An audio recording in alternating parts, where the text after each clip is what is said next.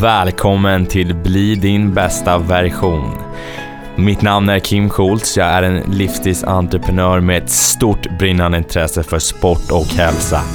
Varje vecka kommer jag att ge er inspirerande personer eller meddelande för att låsa upp er inre bästa version. Nu kör vi! I det här avsnittet har jag med mig Robin Araya. Vi har pratat ett tag och äntligen fick vi till den här Ja, äntligen fick vi till den här poddinspelningen.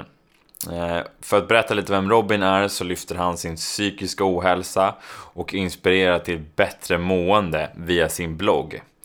Hans blogg är en av de främsta i Sverige inom just psykisk ohälsa.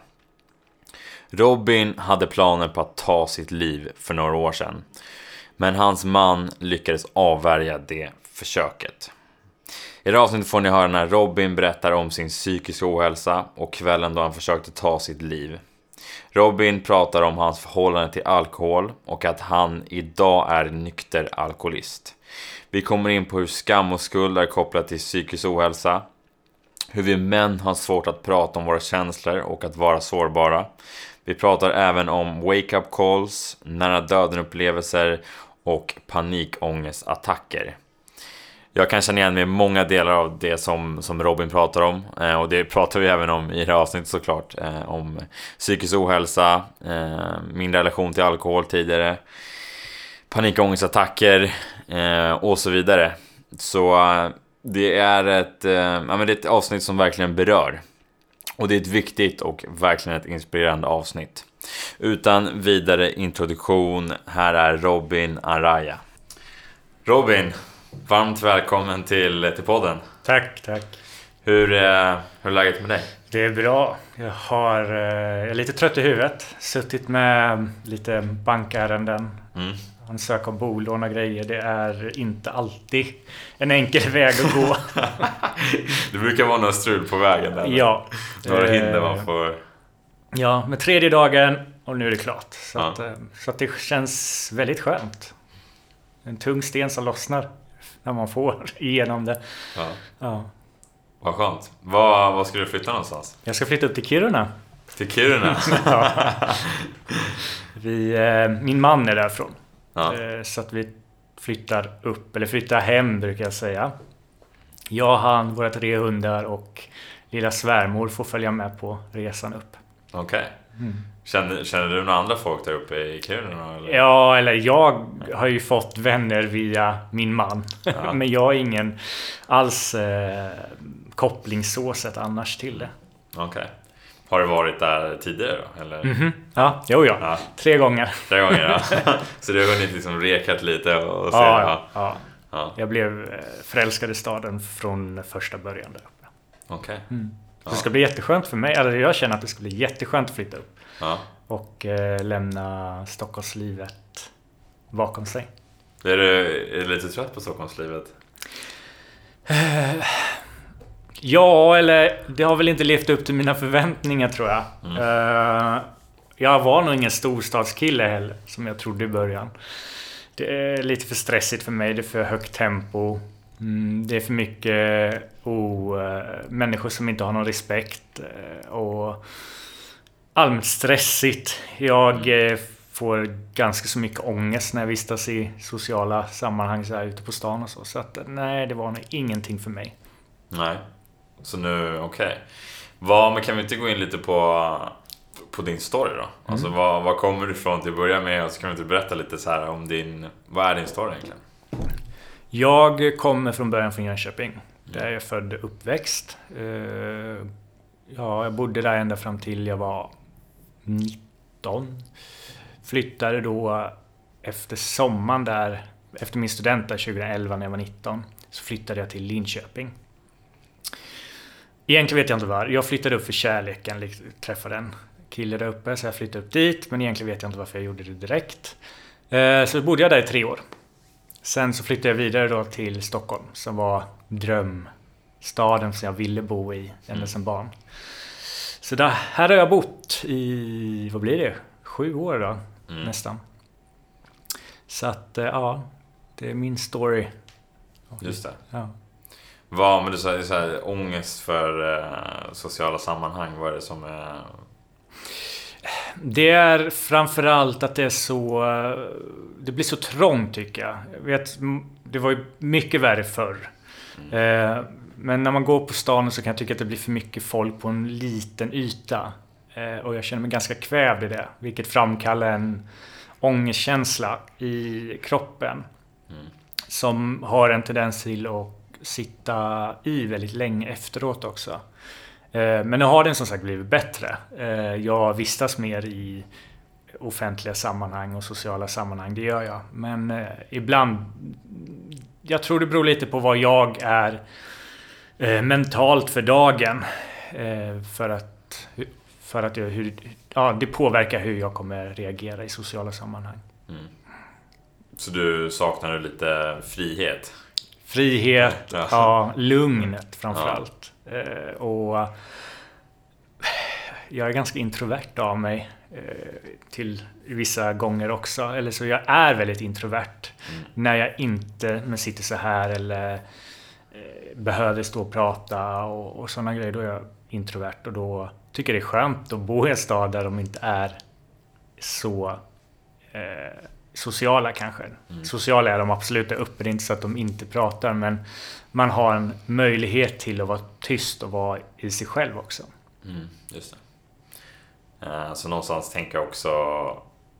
Behöver du då också tid för dig själv? Är det någonting som du tycker är... Ja, jag är nog en person som behöver ganska mycket tid för mig själv. Ja. Eh, Jag kan... eh, Om man ska säga min vardag kan rulla på hela tiden. Jag kan göra massa saker. Eh, Jag kan... Och jag klarar av att göra massa saker. Jag kan ha en helt fullspäckad vecka. Men sen kommer det till en gräns till slut där jag känner att nu måste jag ha egen tid. Ehm, Och då krävs det ganska mycket. Och det är väl mitt sätt bara för att ladda om energin. Eh, Så ja, det, det behöver jag. Och framförallt behöver jag det här lugnet eh, och få vara, bara vara, vara, vara i mig själv. Eh, Och få en chans till att sålla tankar och själv reflektera lite över det som har varit. Det jag faktiskt har åstadkommit under veckan. Eh, Så att, eh, ja. Det, och det är mycket därför vi flyttade upp just till Kiruna. Mm. Mm. Hur ser det ut då, då när du så här själv reflekterar? Hur... Ehm, jag ligger nog oftast i min säng. Eh, Jag vet inte, det blir någon form av meditation där. Eh, Eller så medveten närvaro. Bara, bara ligger där, eh, jag brukar ha hundarna med mig. Eh, Och sen bara låter jag tankarna få fara. Ehm, Ibland försöker jag bara sluta ögonen. Om jag tycker att det blir lite... Har varit en jobbig vecka. Eh, många gånger kan jag gå och lägga mig och bara vila. Bara det ger mig jättemycket. Jag älskar att ta tupplurar. Mentala så här, breaks någonstans? Ja, ja. jag vet inte, det är väl ett sätt att fly också kanske vissa tycker. Men när det blir för tungt och så eller varit jobbigt så är det skönt tycker jag att bara få slumra till eller sova en stund och sen vakna upp. För då brukar de här jobbiga känslorna som jag hade i kroppen innan jag gick och la mig var, har försvunnit, eller de har försvunnit då många gånger. Så att, eh, ja. Så att det är väl, vissa säger att det är ett sätt att fly men för mig är det ett sätt liksom att få hjärnan att ställa om sig. Mm. Och det tycker du det funkar för dig då? Mm, jag tycker faktiskt det. Mm. Det har fungerat hittills i alla fall. Ja. Men du, du driver ett eh, Instagramkonto som heter Konsten att vara människa. Du, Ja. du skriver liksom en av, eh, en av Sveriges främsta bloggar om psykisk ohälsa. Hur, hur kommer det sig att du började göra det här? Ja, eh, det börj- egentligen så började det med som en dagbok. Eh, jag insjuknade i en depression 2016. Och hade väl i samband med den också svårt att sätta fingret på varför jag hamnade där. Eh, och vilket gjorde då att min man till slut sa till mig att men du kanske ska starta en ja, men starta en blogg bara för att skriva av dig. Eh, det var ju aldrig tänkt att det skulle nå ut till andra. Utan det var ett sätt för mig bara att få, som en dagbok. Eh, men istället för att skriva för hand fick, kunde jag skriva på, um, på tangentbord. Vilket jag då började med och sen ledde det ena till det andra. Att eh, folk hittade det och kände igen sig och skrev till mig och det blev någon slags eh, community där. Att eh, folk ville fråga mig om saker och jag kunde, kunde fråga dem om saker. Um, och det fick väl mig att inse att jag kan faktiskt hjälpa mig själv genom att hjälpa andra. Och andra kan hjälpa mig. Um, och sen så har det ju bara växt. Det, det blev ju uppmärksammat i media och andra bloggportaler. Hamnade på statssidor och ja, mycket debattartiklar fick jag lägga ut. Och, ja, men, ja, den spred sig. Eh, och Instagramkontot följde väl med från den starten också. Det blev typ bloggens eh, första sida liksom. Mm. Eh, ja, så på den vägen är det. Häftigt. Och det här, du började 2016 med det här också? Då? 2017, 2016 mm. blev jag sjuk. Ja. April 2017 tror jag så kom eh, bloggen till. Ja. Mm. Så du kände att det var ett eh, ganska stort behov? ja. Mm. Ja, det är verkligen så när man, man inser nog inte det själv Eh, förrän man eh, upptäcker det på det sättet. Eh, jag, likt många andra, känner, har ju känt mig väldigt ensam i min depression, i att känna som jag gör, eller gjorde. Och att det var något fel på mig som, som var för psykiskt sjuk. Men genom bloggen så insåg man sen att mm, det var fel. Alltså det var helt fel skebild. Mm. Eh, det fanns hur många andra som helst som kände igen sig och kände likadant eller liknande och som också genomgår en depression, har genomgått en depression. Ehm, och att, att, man är, att man blir psykiskt sjuk är inget konstigt eller att man är dum i huvudet utan det är något som kan drabba alla när som helst. Mm.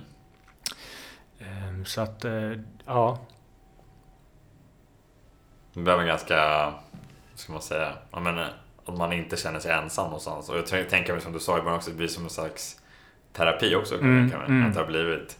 Ja, absolut. Det har varit en jättebra uh, terapi för mig. Framförallt så när man haft bra dagar uh, och haft mm, tunga dagar innan. Att man kan gå tillbaka och bara kolla igenom vad det var, hur man mådde och vad det var som kanske gjorde att man mådde. Att man kan sortera, sortera och bearbeta de känslorna i efterhand då, så man kan lämna dem helt. Mm.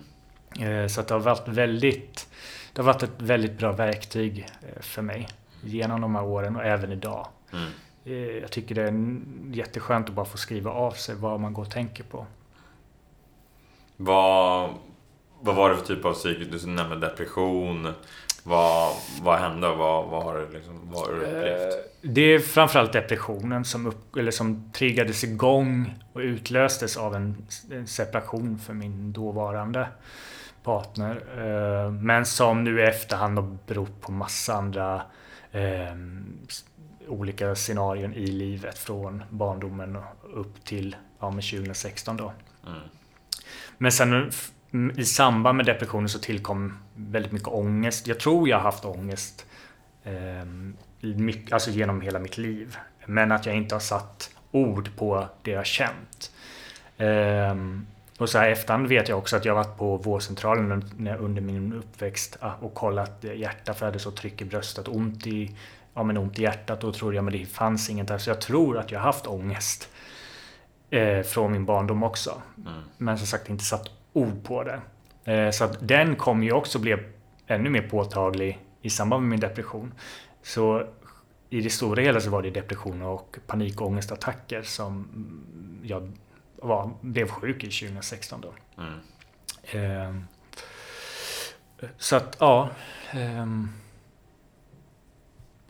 sen gjorde jag, har jag gjort eh, olika utredningar för annat då. Bipolaritet och borderline och ADHD och sådär. Men eh, det, det har inte riktigt nått upp till de kriterierna i slutet ändå. Så att depression och ångest, ja.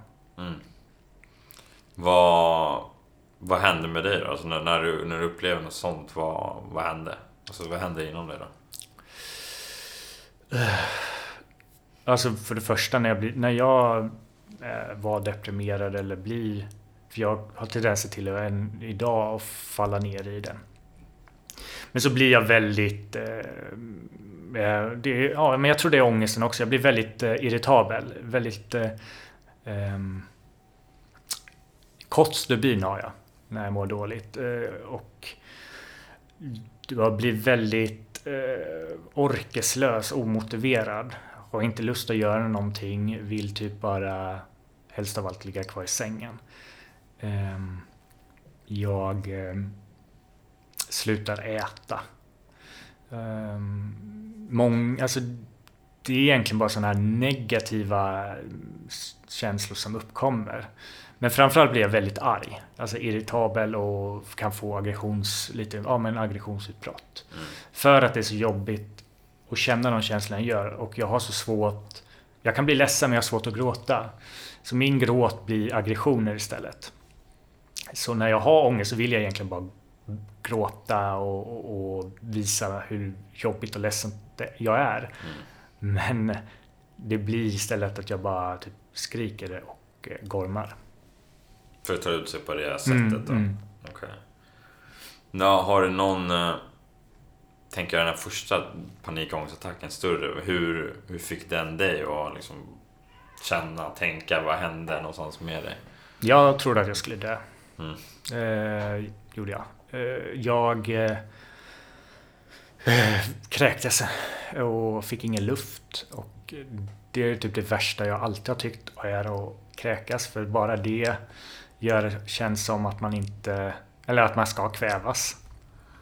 Så att ha en panikångestattack och kväv, äh, kräkas Eh, det, det, var en jätteobehaglig känsla. Eh, jag vart totalt förlamad. Eh, kände jag. Jag satt bara på golvet och grät. Då, då grät jag. Den, det var typ den enda gången under panikångestattack som jag grät. Och det var den första.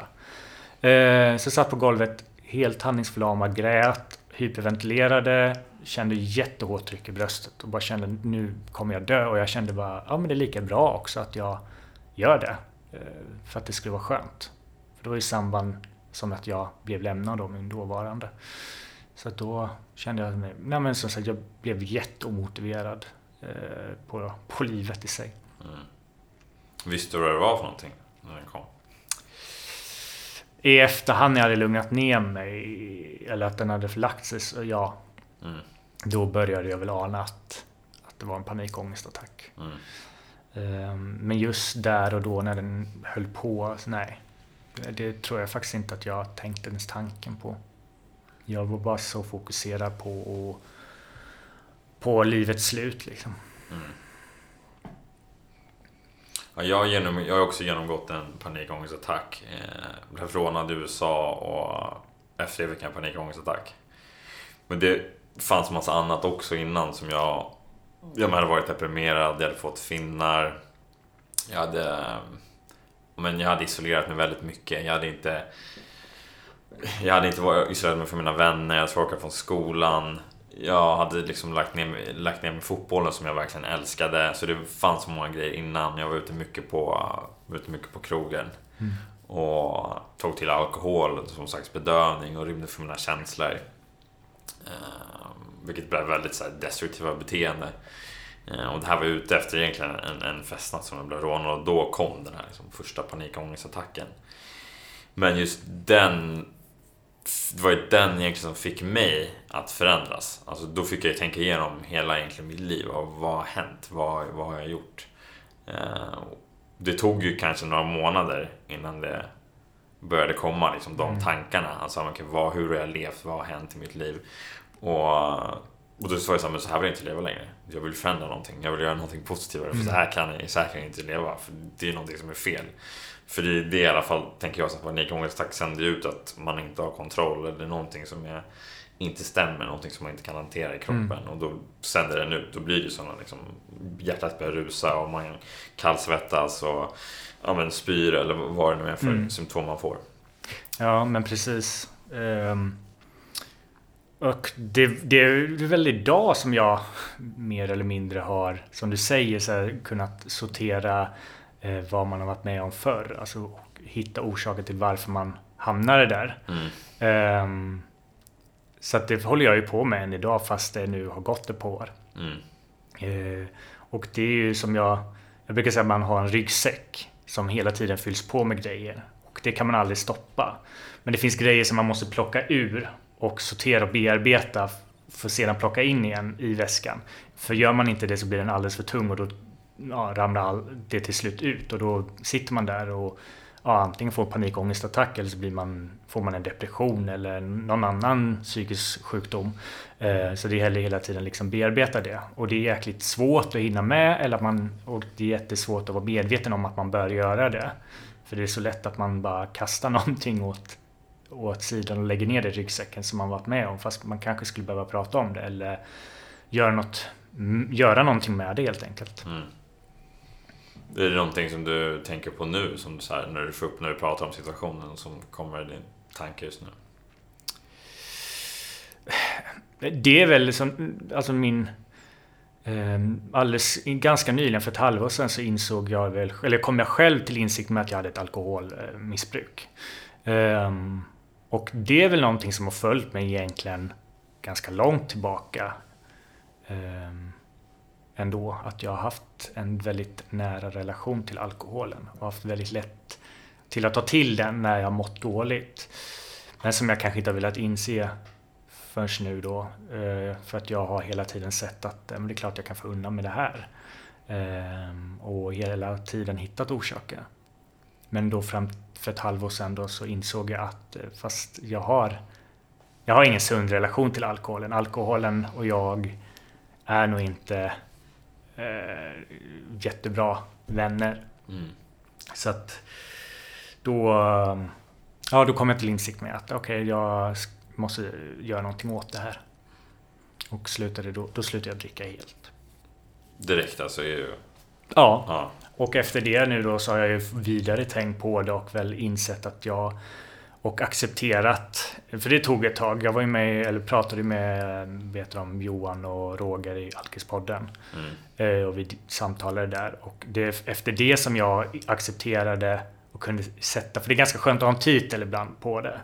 Så det var då jag kunde sätta en titel och bara säga, nej men jag är en, jag är nykter alkoholist. Mm. Eh, för det var pass i den mängden ändå, när jag väl drack. Mm. Det, som var alkoholisttecken eller alkoholism. Mm. Så att ja, så att ganska nyligen då så har jag satt en titel på det också. Och nu känner jag väl att det är väl bearbetat och klart att jag kan lägga ner det i ryggsäcken och det kan ligga där. Eh, och eh, det stör inte mig längre, eller mitt mående. Mm. Men att jag hela tiden kommer behöva underhålla det för att hålla mig nykter. Mm. Mm. Vad var det som gjorde att du kände då att så, men, nu har det gått för långt? Eller nu... Uh, att jag blev så pass uh, packad eller full så att jag inte hade kontroll på mig själv för det första. Uh, och inte mindes helt vad som hände dagen eller den kvällen. Och framförallt att jag varit så himla aggressiv mot min man. Eh, och eh, kastade saker hemma. Det var väl då som jag i efterhand, eh, efter att prata med min man, kom till insikt själv med att, att jag har, inte ska dricka liksom. Och det var lite ett ultimatum nästan från honom med det är antingen mig eller alkoholen. Mm. Eh, vilket kanske också bidrog till att jag eh, tog tag i mig själv och, och kunde skapa med den insikten.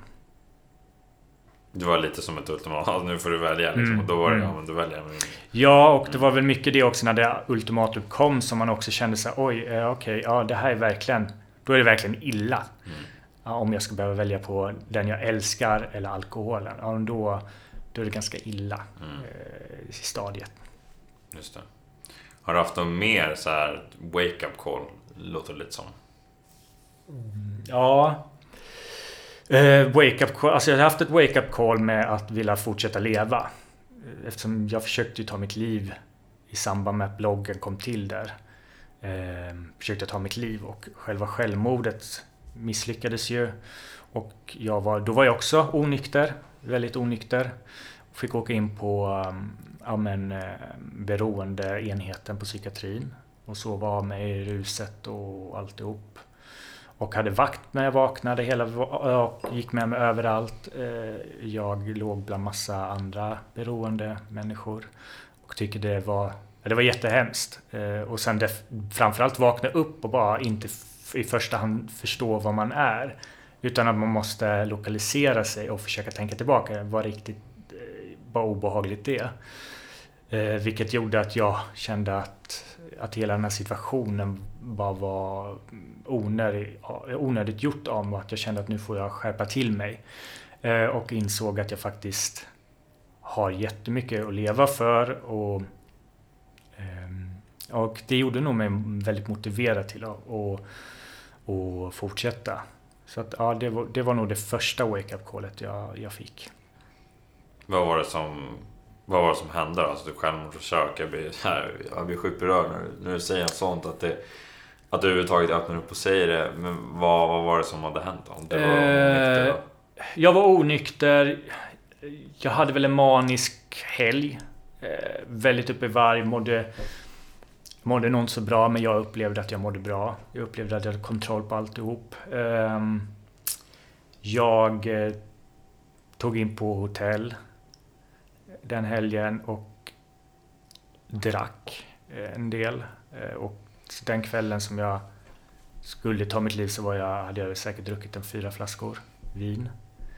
Eh, och kände, och jag hade ju då alltså så nästan bestämt mig. Att jag vill inte, nu vill inte jag längre. Så att jag ska besluta mig för att jag ska hoppa framför tåget.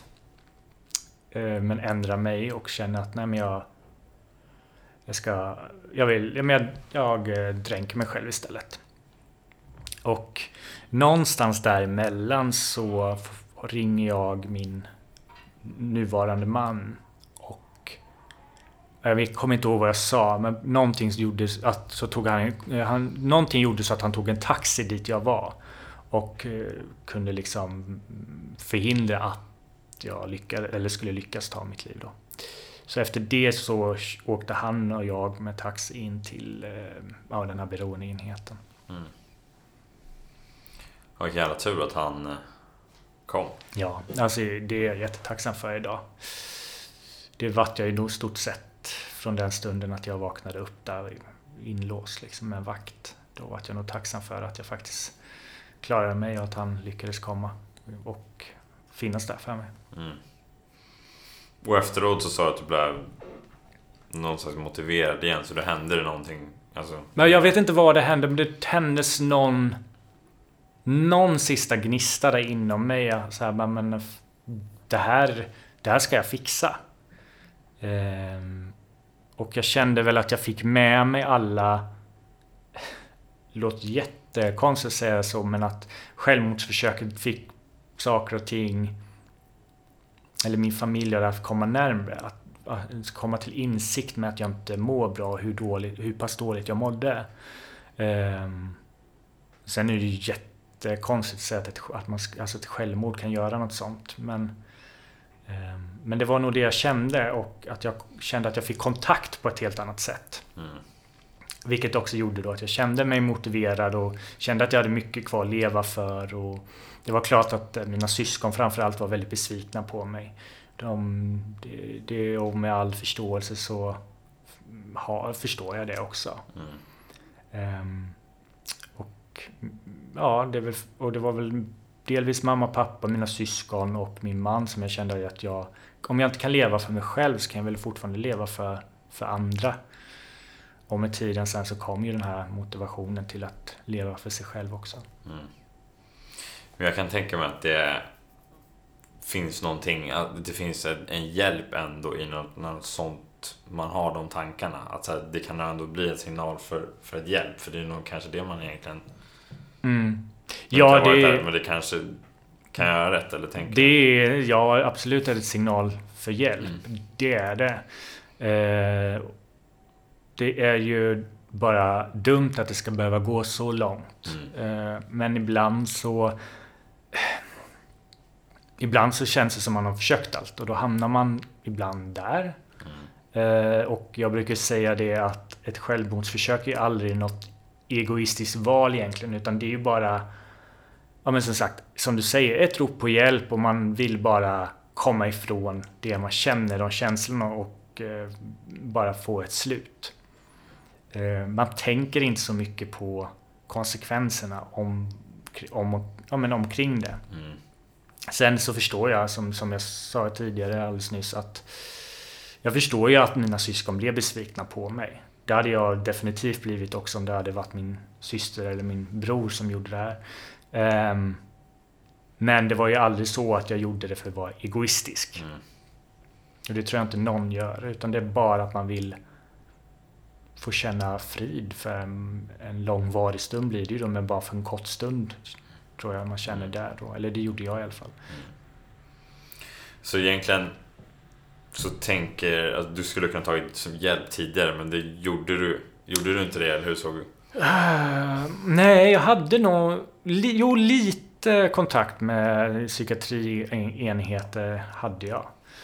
Men jag tyckte att det gick så långsamt. Jag fick byta läkare i stort sett varje gång för de ena slutade. Det var någon sån här rullians de hade. Så jag fick hela tiden börja om och berätta hur jag mådde och allt sånt där. Jag tyckte det inte gav mig något mycket utan att det var bara så här har du lite läkemedel och så syns vi nästa vecka igen. Mm. Um, så jag kände väl hopplöshet där. Mm. Uh, och det är väl mycket... Jag är nog inte ensam om att det kan kännas trögt eller att man inte får tillräckligt bra hjälp inom eh, vården och sådär. Utan att det krävs att man tyvärr ligger i lite själv. Och Mm. det har man inte alltid orken till när man mår psykiskt dåligt. Mm. Ehm, och, men det var väl efter mitt självmordsförsök också som, som det sattes fart där med. Ehm, att jag fick komma vidare. Och prata med andra. Och sen bytte jag eh, en, eller jag säga, område i Stockholm. Ehm, och där var det mycket bättre. Mm. Så då fick du... Då fick jag jättebra Ja. hjälp. Mm. Mm. Men jag tänker tillbaka på min så också story. Okej, jag inte, vi har inte samma story men det finns vissa likheter både med alkoholen och, och eh, panikångestattack och, och depression. Då. Så Mm. det finns ju definitivt likheter. Och det jag ser som de större problemen i alla fall för mig, och jag vet inte om du känner igen dig, men det är att man inte, det finns liksom, det är så svårt att vara, tyckte jag, det var ju sån skam att berätta hur jag kände, så jag fick ju finnar och tyckte att jag såg tillräckligt bra ut. Mm. Och jag tycker att det var en sån skam att jag inte vågade berätta för någon annan vad jag egentligen, vad jag tänkte och vad jag kände, så jag kunde ju inte vara sårbar. Jag var inte det med någon. Alltså Mm. jag satt med det själv. Och det är ju det som bygger upp, då blir den här ensamheten som byggs upp inuti en. Och då tar man till något substitut oftast för att bedöva den, Mm. den grejen. För då, då rymmer man från den verkligheten någonstans Mm. och hamnar någon annanstans för en stund. Ehm, men det tycker jag var själva problemet, att jag inte kunde prata med någon, jag kunde inte vara sårbar med någon. Och det tror jag är generellt också mer bland män än kvinnor. Men eh, vad tycker du när, liksom, när jag säger det? Kan du känna igen dig i, i det? Att det finns liksom en problema- problematik med det också? Ja, det, det gör jag. Um, jag kände väl mig, som du säger, ja, men jag, det var en viss skam där eh, med att jag mådde som jag gjorde. Och den här skammen gjorde att jag ville eh, straffa mig själv lite grann sådär. Och då åt inte jag. Och jag, ja, men jag, jag gick ju ner i vikt eh, och grejer. Så att jag såg ju inte fräsch ut. Så nu när jag tittar tillbaka så syns det verkligen att jag... Det var en tuff period i mitt liv. Um, och sen också där som du säger, jag, jag satt också med mycket känslor i mig själv som jag känn, som jag pratade med ändå, men jag kände, jag krävde, då krävde jag typ förståelse. Jag ville att folk skulle förstå vad jag kände. Alltså så här, och känna, på något sätt kanske känna igen sig. Men jag kände inte det att de förstår inte vad jag säger. Eh, de säger att de förstår, men de förstår inte hur jag mår. Ehm, och jag tror det gjorde mycket också, för idag inser jag att man... det, det, finns ingen människa som kan förstå någon annans känslor. Ehm, så att... Men där och då så var det mycket skam som, som gjorde att jag straffade mig själv och, och eh, att, inte jag, att, att jag inte fick någon förståelse, tyckte jag. Mm. Så det var egentligen det som gjorde att du... Ja, det, du pratade ändå, men du kände... Du pratade ut om saker och ting, men ändå så gav det inte... Den, du kanske sökte en samhörighet? Ja, ja. Jo, och eh, mycket frustration och ilska fick ju min man ta eh, för det vi pratade om, för det jag kände. För att jag tyckte att... Um, även bara för att min man ville hjälpa till och ge tips och verktyg liksom, som jag kunde tänka på så blev jag arg när han mm. sa det. Liksom, för att...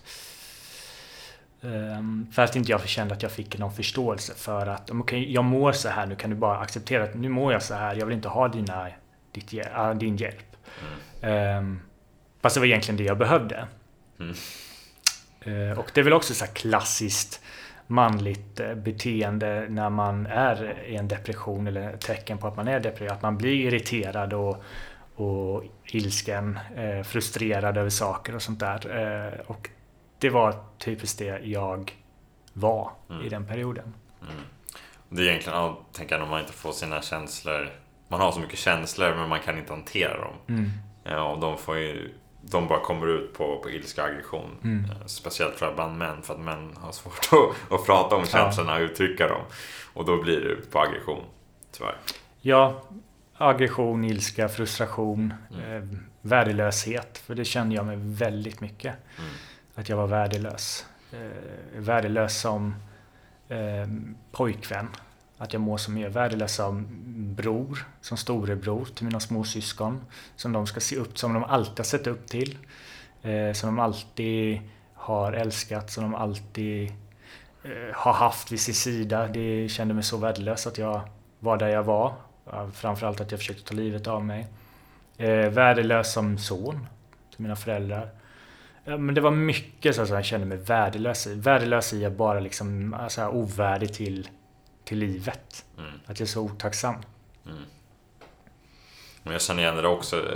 För mig var det ja, en del värdelöshet men också så här, jag känner mig mycket så här meningslös. Alltså bland annat. Mm. jag har ju ingen, ja, det är samma sak. Jag har inte det här värdet. Jag har inte någon mening. Alltså det jag gör för att jag jag, kunde inte vara, jag vill inte vara i de grupperna. Jag undvek i skolan. Alltså, jag ska åka från skolan. Mm. Jag undvek mina vänner. Och det var så här, jag hade ju ingen mening med livet för jag isolerade mig själv så pass mycket. Mm. Då blev ju de tankarna så här, men vad fan, vad är, vad är mitt värde då? Alltså, så här. Mm. Och sen, sen de gångerna, det fanns ju de gångerna som jag alltså, ändå var ute och träffade vänner och spelade fotboll och vet, så här, var i skolan. Men då satte jag ju på världens fasad istället. Och då var det en mask som jag satte på, så här, gömde mig bakom humor och sådana typer av grejer. Mm. Så det, det gick att stå ut med det. Men det var ju det var ju liksom när jag kom hem och var med mig själv och var med känslorna. Det var då det bara... Åh! Alltså, du vet, bara sitta och gråta och bara slå sönder en vägg. Du vet, så här, bara få ut alla de känslorna just då mm. i pojkrummet. Och det var ju svinjobbigt. Ja, ja, just den här fasaden, den... Eh den fanns där. Det var det som var konstigt. Även fast mina, eller vännerna visste om hur jag mådde och hur situationen var med mig så byggde jag upp en fasad ändå. Mm. Jag satte på ett leende och eh, låtsades som att, ingen, att det inte fanns där. Fast vi alla visste att var, var det var, liksom var jag befann mig. Eh, så att, det var svinjobbigt och idag kan jag inte förstå varför man i ett sånt fall när alla vet att man är deprimerad och har en depression, varför man bygger upp den där fasaden ändå. Mm. Så att, eh, nej, det är mycket som, mycket, mycket knasigt man gör när, när man mår dåligt. Mm. Jag tror att det handlar om att man vill, eh, man vill ju passa in. Alltså du vill inte lämna gruppen. Nej. Det är ju det. Alltså, om, om jag är annorlunda än gruppen så kommer jag inte få vara med dem. Mm. Och då sätter man på en fasad på grund av att få vara med. Mm. Jag gjorde det. Jag vet att jag byggde upp en fasad då när jag kom till, väl kom tillbaka till mitt arbete. Att jag byggde upp en fasad där för jag alltid... Innan jag var sjuk så älskade jag mitt jobb. Eh, och tyckte alltid det var kul att gå dit. Jag hade världens bästa kollegor. Och, nej men det var ja, men det bästa jobbet jag kunde få. Eh, men när jag kom tillbaka dit så tyckte inte jag det längre. Jag tyckte det var jättejobbigt att bara kliva upp. Jättejobbigt att ta sig dit. Det var jättejobbigt att vara där. Timmarna gick jättelångsamt. Och när ingen var i närheten så syntes det garanterat på mig. Men så fort någon av mina kollegor eller chefer kom i närheten så ja, var jag, försökte jag vara mitt gamla jag igen. Mm. Och det höll ju inte. Eh, hela vägen. Eller höll knappt. Ja, det höll bara ett par månader tror jag. Mm. Sen så fick jag ju säga upp mig. Eh, och hittade ett annat jobb. Jag var tvungen att börja om helt där med. Mm. Eh, och det, det känner jag fortfarande idag eh, har varit jättetråkigt. För det var verkligen ett, eh, mitt drömjobb. Eh, så att det, var, ja, men det var ett misslyckande även det då. Mm. Det, ja, det måste ju bli väldigt trist och jobbigt tänker jag. Någonting som man verkligen säger det här brinner jag för. Mm. Och så bara så mår man inte bra så blir liksom, då får inte du vara kvar och göra det du verkligen vill mm. göra. Det måste ju vara... Ja. Ja, och de märkte det på med chefen ändå. När jag mm. väl sa upp mig så märkte de ju att någonting inte stämde längre. Mm. Um, så att det var väl på gott, eller så hade inte jag sagt upp mig så hade jag nog blivit avskedad ändå. Mm. Just det. Vad, vad har du gjort då så för att uppnå, eller uppnå, men för, för att må bättre? Alltså för att din psykiska ohälsa ska bli mer hälsa, psykisk hälsa. Vad, vad, har, du, vad har du gjort där? Men framförallt så har jag börjat att um, underhålla um, det jobbiga jobbiga situationer eller scenarion som uppkommer. Um, jag har, försöker att liksom reflektera över dem. Och är det något som tynger mig jättemycket så brukar jag vilja pra eller prata om det eller så skriver jag om det. Eh, och sen så har jag ju fortfarande mina antidepressiva som jag tar. Eh, som hjälper mig väldigt mycket. Eh, så det är väl främst det. Eh, jag skulle säkert må ännu bättre om jag börjar träna och, och, och så sätt. Men det gör jag inte. Eh, men tycker ändå att det fungerar. Och framförallt jag till att och göra saker som jag känner eh, lycka över eller som får mig att eh, bli, bli glad. Mm. Vad, vad ger dig lycka då? eh, ja, sol, värme. Det, det gör mig glad. Ja. Eh, när jag får tid att bara läsa en bok. Duger fint. Eh, mina studier har varit eh, väldigt mycket till hjälp. Även fast det har varit svintungt vissa gånger. Eh, men det ger mig en glädje och motivation. Eh, mina hundar också till större delen. Ibland är de jättejobbiga men ibland är de jättesköna att ha med att göra. Eh, min man gör mig eller gör så att jag känner mig glad och lycklig. Så vi bara, alltså så små bitar. Mm. Sen skulle jag tycka det var jätteskönt att komma iväg på en semester mm. någon annanstans. Men som situationen är nu så går inte det. Nej, det är lite dåligt med, med sol och värme ja. just nu. Eh, så det, med små, alltså små enkla medel mm. räcker för mig. Mm. Vad, jag tänker, har, har du jag tycker den inre resan är så jäkla viktig. Alltså så att man, man börjar titta inåt, man, man landar någonstans i så här, ja men det inre, det, det som jag, om jag kan landa i en inre trygghet så är, är det det viktigaste tycker jag. Att man inte tar in massa yttre attribut, alltså så här, vilken bil jag har, vilken lägenhet jag har, hur jag ser ut. Alltså att man börjar fokusera på, på det inre. Mm. Uh, har du påbörjat en sån resa?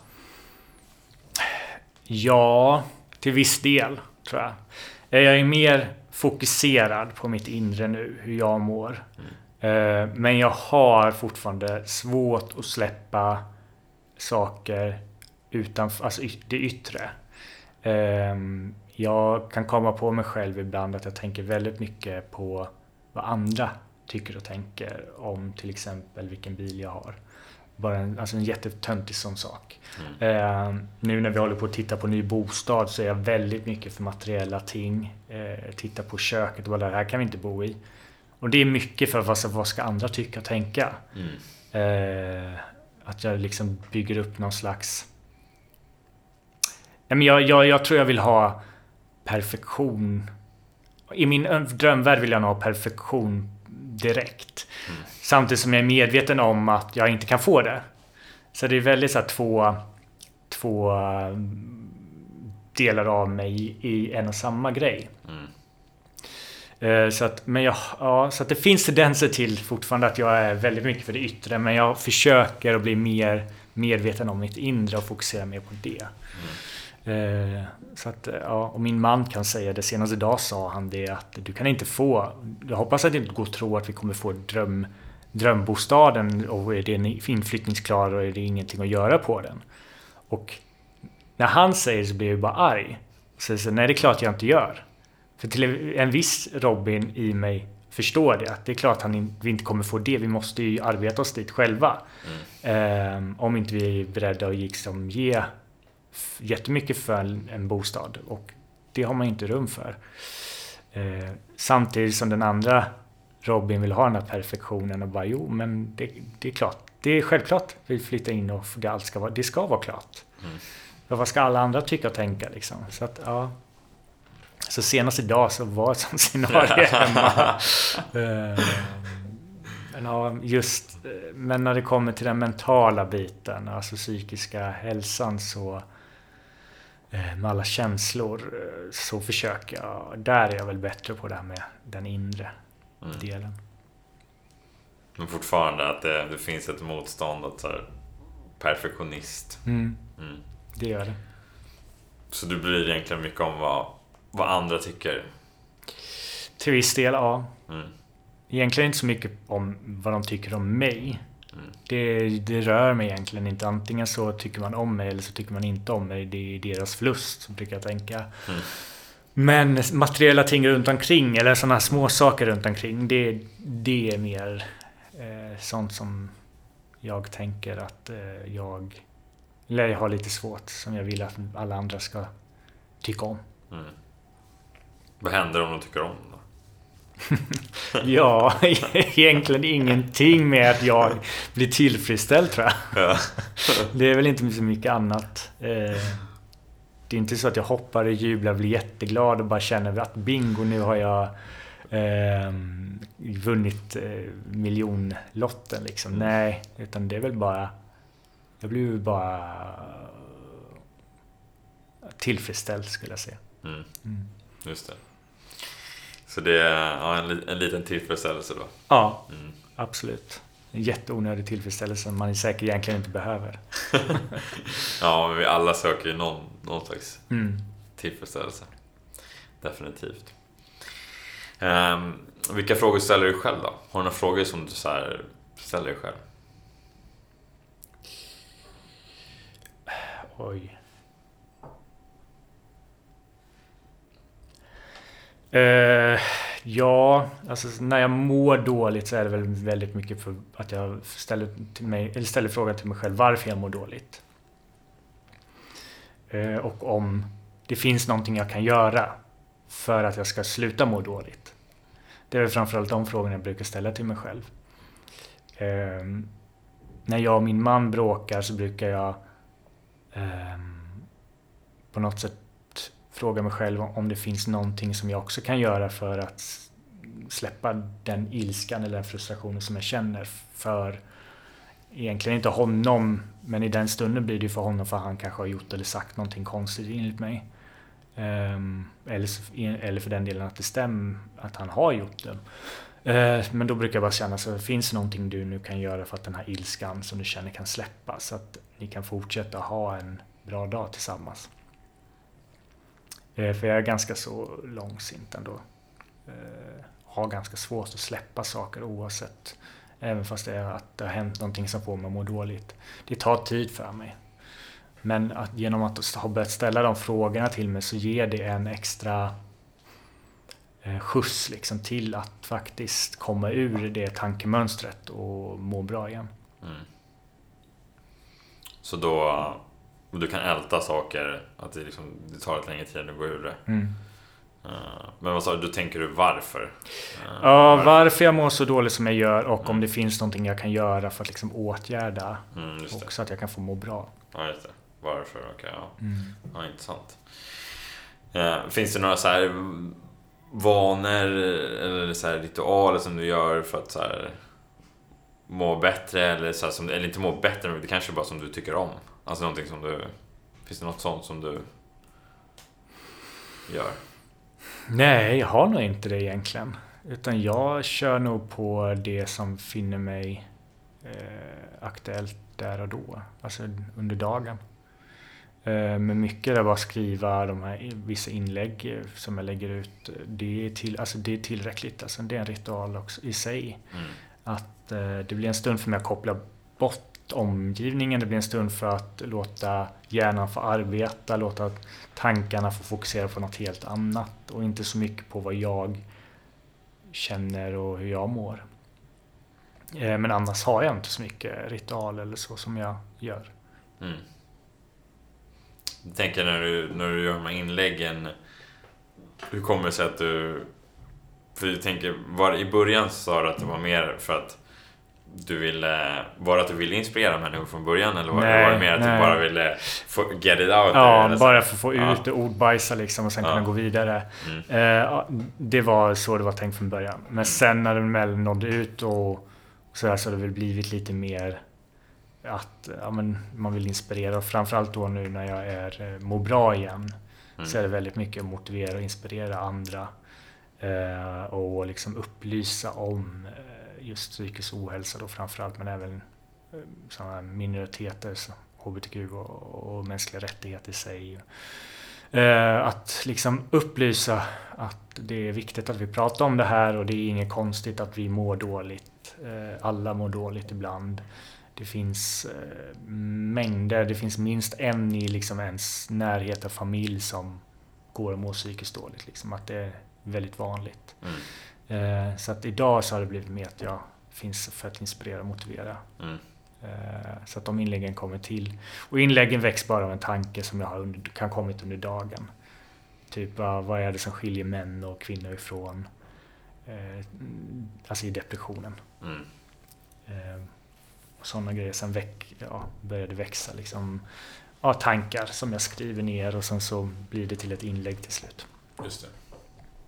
Ser du någon skillnad då, alltså från, från när du började skriva och ja, tills, tills du gör det? Ja, ja, det gör jag. Det är nästan lite jobbigt att läsa de gamla texterna. Men du går in och kollar ibland? Eh, ja, de få som finns kvar. Jag bloggade ju på blogg.se då. Ja, okay. Eh, så att mycket har ju försvunnit. Men vissa kommer jag fortfarande åt och vissa debattartiklar som, som ligger på nyheter, eller så nyhetssidor. När jag läser dem så bara... Ja, alltså det här var ju jätteprovocerande skrivet. Mm. Så att, och förstår att det blir reaktioner på det. Um, men ibland kan det vara kul att läsa också. Något, jag vet att några inlägg som jag skrev då, typ 2017 har jag sedan skrivit om, eller ja, tagit upp igen och sen skrivit om det. Mm. Um, bara för att se liksom hur jag kan, själv kan utveckla det till ett bättre författarskap eller vad man ska säga. Mm. Um, men vissa är bara hemska att läsa. De önskar att jag inte hade liksom skrivit. Finns det något plan på att det kan bli en bok? Uh, ja, det finns det definitivt på. Mm. Planer på, ja. Mm. Den är påbörjad faktiskt. Mm.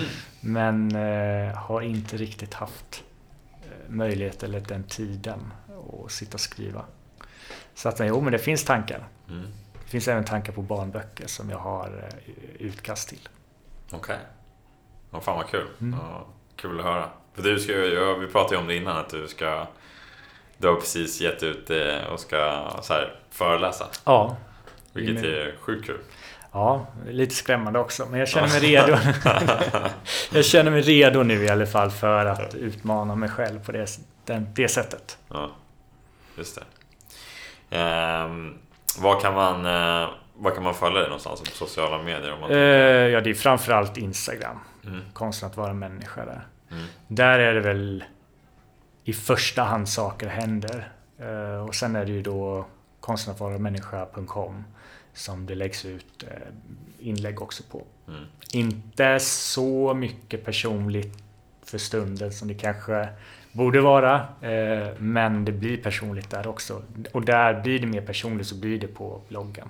Mm. Allra senast la jag ut om tankarna kring flytten upp till Kiruna och varför vi ska flytta och varför jag gör det för min mentala mående och sådär.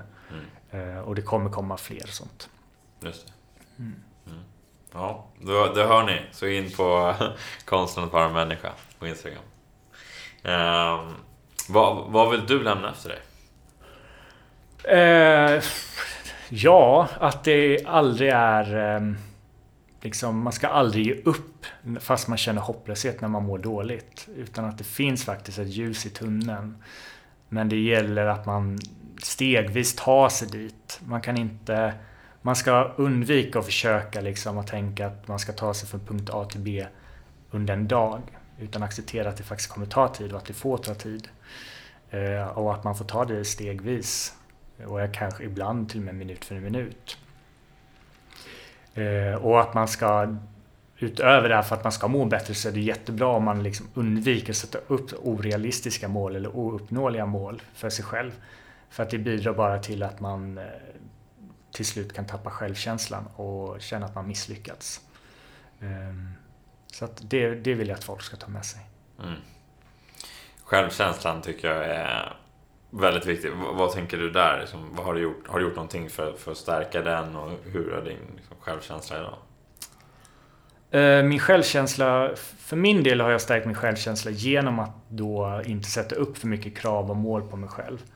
Eh, men också att jag tar hand om min själ, eller det själsliga, mentala, mycket mer idag. Att jag faktiskt prioriterar det. Eh, att jag tillåter mig själv att känna det jag känner. Eh, jag tillåter mig att ha ångest och låter ångesten finnas där. Ehm, men att jag också försöker hela tiden att bearbeta den ångest jag känner och hitta verktyg till att jag kan hantera den. Eh, det är väl det, det har stärkt min självkänsla väldigt mycket och också det här att jag börjat mer och mer komma in i insikten i att eh, skit i vad alla andra tycker och tänker om dig utan du gör ditt. Och mer än så kan man inte begära liksom. Mm. Ja, det är ju jäkligt viktigt och det känner jag igen själv att så här, både att här, våga känna alla känslor. Alltså för vi är människor och så här, mm. de kommer komma. Ångest kommer komma, alltså så här, någon typ av ångest och sen kan man hantera den på olika sätt. Mm. Och så här, man kommer vara arg, man kommer vara ledsen, man kommer vara glad, man kommer, så här, man kommer vara sur, frustrerad. Allt kommer komma. Mm. Och det finns alltid människor som ska ha någonting att lägga, lägga sig i och tycka om. Mm. Så att det, det är o, oundvikligt. Ja. Det går inte att komma ifrån det. Ja, exakt. Det, det kommer alltid finnas någon som tycker någonting. Så det, låt dem göra det, tänker jag också. Mm. Det är så, här, så länge man är nöjd med det och stolt över sig själv. Mm. Alltså, så här, det är ju absolut det viktigaste. Och kan, alltså de i sin, sin närmsta krets också. Ja. Såklart. Men uh, de andra som de är sekundära. Det, det, så ändå lägger man så mycket tid på, på, liksom, på att överta dem någonstans. Ja. Vilket är helt onödigt. Jätteonödigt. Det, um, Ja, det, det är en stor paradox.